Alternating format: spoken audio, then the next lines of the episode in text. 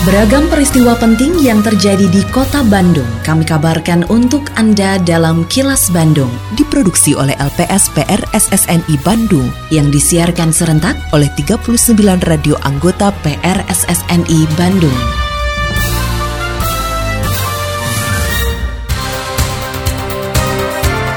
Sejumlah informasi aktual kami hadirkan untuk Anda dan inilah informasi utamanya. Pemerintah Kota Bandung menggelar operasi pasar minyak goreng curah. Tidak ada wakil wali kota, PKS bakal lapor ombudsman. Sensus penduduk 2020 lanjutan berlangsung mulai Mei mendatang. Saya, Santika Sari Sumantri, inilah kilas Bandung selengkapnya. Pemerintah Kota Bandung melalui Dinas Perdagangan dan Perindustrian atau Disdagin menggelar operasi pasar minyak goreng curah. Sebanyak 1000 liter minyak goreng curah didistribusikan dari keseluruhan total 10.000 liter dalam operasi pasar yang berlangsung di Pasar Ciwastra pada Senin kemarin. Minyak goreng curah didistribusikan kepada para pedagang dengan harga Rp13.000 per liter, sehingga mereka bisa menjual kembali kepada masyarakat dengan harga Rp14.000 per liter. Saat meninjau operasi pasar minyak goreng curah, Sekretaris Daerah Kota Bandung Emma Sumarna berharap adanya komitmen dari para penjual agar menjual minyak goreng sesuai harga yang direkomendasikan. Apalagi sebagian besar yang membeli minyak goreng digunakan untuk berjualan karena mereka merupakan pelaku usaha kerjasama antara pusat, provinsi, dan kota Bandung, Bapak Bandung mendapatkan alokasi sebanyak 10 ton, artinya 10 ribu liter. Dan itu terdistribusikan untuk 370 sekian penerima manfaat warga masyarakat. Dan harganya, harga yang sudah ditetapkan, 13 ribu dijual, RNI ke pedagang. Pedagang belinya nanti menjualnya itu 14 ribu, jadi mereka punya margin 1000. Kebanyakan mah mereka untuk digunakan, untuk digunakan karena saya nanya tadi umumnya ini para pedagang. Contoh tukang gorengan ya, walau Walaupun ada, mungkin ada sebagian. Tapi mayoritas yang saya tanya mereka itu digunakan sendiri untuk usaha. Kepala Dinas Perdagangan dan Perindustrian atau Disdagin Kota Bandung Eli Wasliah menyebut, minyak goreng curah merupakan jenis komoditas yang masih mendapat subsidi dari pemerintah pusat, sehingga harga eceran tertinggi atau HET-nya harus sesuai seperti yang dianjurkan. Saat meninjau operasi pasar minyak goreng curah di Pasar Ciwastera pada Senin kemarin, Eli mengatakan, selain untuk dijual kembali, sebagian pembeli merupakan pelaku usaha yang menggunakan minyak goreng. Eli juga memastikan tidak ada indikasi penimbunan minyak goreng di kota Bandung berdasarkan hasil pemantauan 12 tim dari Disdagin Kota Bandung kepada 44 distributor minyak goreng di kota Bandung. Jadi ada beberapa pedagang yang merusak hasil wawancara. Selain para pedagang di pasar juga ada pedagang gorengan atau pelaku usaha mikro yang memang sangat ya, membutuhkan ya, kuliner, uh, gitu kuliner ya, ya untuk ya, uh, yang lebih murah. Pemerintah Kota Bandung melalui Disdagin terus berupaya ke Kementerian Perdagangan juga ke Disperindak Jawa Barat karena Kota Bandung sebagai ibu kota provinsi Jawa Barat dengan 37 pasar, maka kami mohonkan mungkin ini tidak terakhir tapi terus kita akan berjuang supaya OP ini terus berlanjut gitu. Hingga Senin 21 Maret 2022, keputusan pelantikan pelaksana tugas Wali Kota Bandung Yana Mulyana menjadi wali kota definitif tidak kunjung turun. Situasi ini berdampak terhadap kosongnya posisi Wakil Wali Kota Bandung hingga masa jabatan berakhir. Pasalnya ketentuan undang-undang menyebutkan jika masa jabatan Wali Kota definitif kurang dari 18 bulan, maka tidak diperlukan lagi posisi Wakil Wali Kota. Menanggapi kondisi tersebut, Ketua Fraksi PKS DPRD Kota Bandung Iman Lestariono mengatakan partainya masih ingin memastikan peluang pelantikan wali kota definitif karena terkait dengan posisi wakil wali kota. Selain itu akan mengambil dua langkah hukum, yaitu judicial review dan ombudsman, untuk memastikan apakah prosedur yang dilakukan semua sudah sesuai dengan ketentuan kita akan bicarakan bagaimana mensikapi ini karena kalau kita sendiri juga kan tidak bisa menduga-duga ini ada konspirasi kah gitu kan ini ada upaya pembiaran kah tidak tahu nah sehingga ada dua langkah yang masih mungkin dilakukan pertama adalah judicial review yang kedua mungkin lewat jalur ombudsman secara lembaga independennya karena lewat yudikatif ini kan dia bisa melihat hal kebijakan yang dilakukan itu kewenangannya itu apakah bersandarkan gitu ya pada aturan pada undang-undang yang memang seharusnya atau tidak. Nah, mereka lah yang paling berhak menilai kan itu. Kan itu.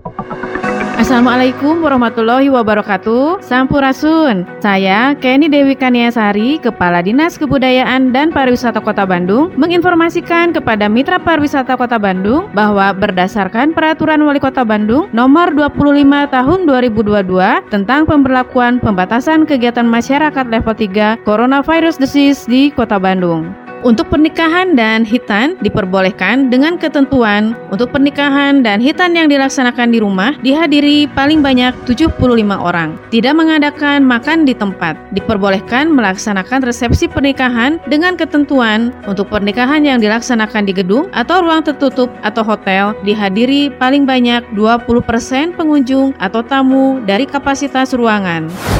Ayo mitra pariwisata, bersama-sama kita wajib melaksanakan protokol kesehatan, pencegahan dan pengendalian penyebaran COVID-19 secara ketat, konsisten, dan disiplin. Iklan layanan masyarakat ini dipersembahkan oleh Dinas Kebudayaan dan Pariwisata Kota Bandung. Kini, audio podcast siaran Kilas Bandung dan berbagai informasi menarik lainnya bisa Anda akses di laman kilasbandungnews.com.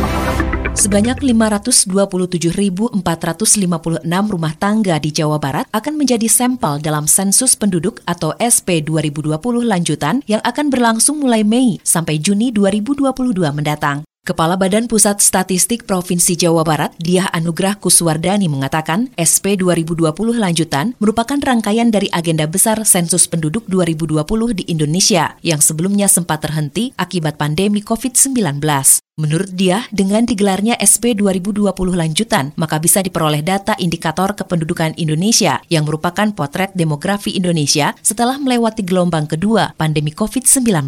Hasil SP 2020 lanjutan juga sebagai proyeksi penduduk Indonesia tahun 2050 sekarang ini dilakukanlah lengkapnya karakteristik penduduk dan juga parameter demografis karena ini nanti menjadi salah satu tools yang untuk membuat proyeksi penduduk sampai 2050 fertilitas, mortalitas dan migrasi. Ini dasar untuk membuat proyeksi penduduk. Kendala ya mungkin ke kondisi mungkin masih pandemi ya kan belum itu ada kemungkinan juga penolakan mungkin dari responden karena kan petugas juga dilengkapi dengan atribut dan juga APD nantinya. Judulnya sih sensus penduduk lanjutan tapi tidak seluruh penduduk. Nah, mungkin itu juga yang harus disampaikan kepada masyarakat, sehingga nanti angkanya bisa keluar sampai level kabupaten kota.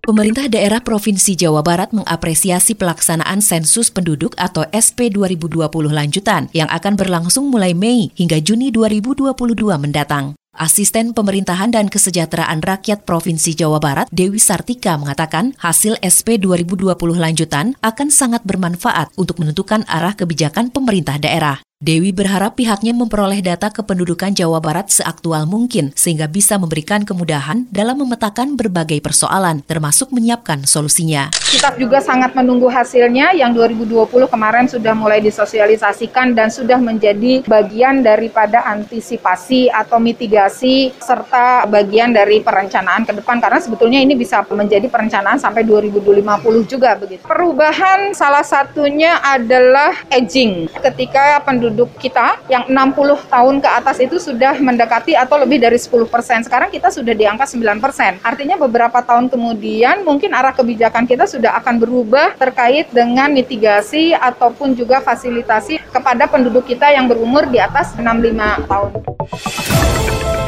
Assalamualaikum warahmatullahi wabarakatuh. Sampurasun, warga kota Bandung yang saya hormati dan saya cintai. Saya Tono Rusdiantono, Kepala Dinas Sosial Kota Bandung menghimbau kepada seluruh warga kota Bandung Para wisatawan dan para pengguna jalan Untuk tidak memberikan uang atau sedekah kepada pemerlu pelayanan sejahteraan sosial Atau PPKS Di antaranya anak jalanan, gelandangan, dan pengemis Karena mengganggu ketertiban umum dan kelancaran arus lalu lintas. Selain itu, saya juga meminta kepada seluruh warga kota Bandung untuk tidak menggalang dana atau meminta sumbangan di tengah jalan dengan dalih apa pun. Terlebih kegiatan itu tanpa mengantongi izin resmi dari Dinas Sosial Kota Bandung. Apabila Anda menemukan adanya PPKS maupun penggalangan dana, diminta partisipasinya untuk melaporkan hal tersebut kepada Dinas Sosial Kota Bandung. Salurkan donasi Anda hanya melalui lembaga resmi. Wassalamualaikum warahmatullahi wabarakatuh.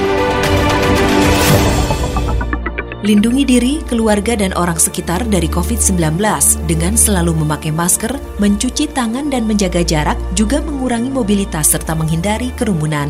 Patuhi protokol kesehatan di masa adaptasi kebiasaan baru untuk mencegah penularan virus corona. Terima kasih Anda telah menyimak kilas Bandung yang diproduksi oleh LPSPR SSNI Bandung.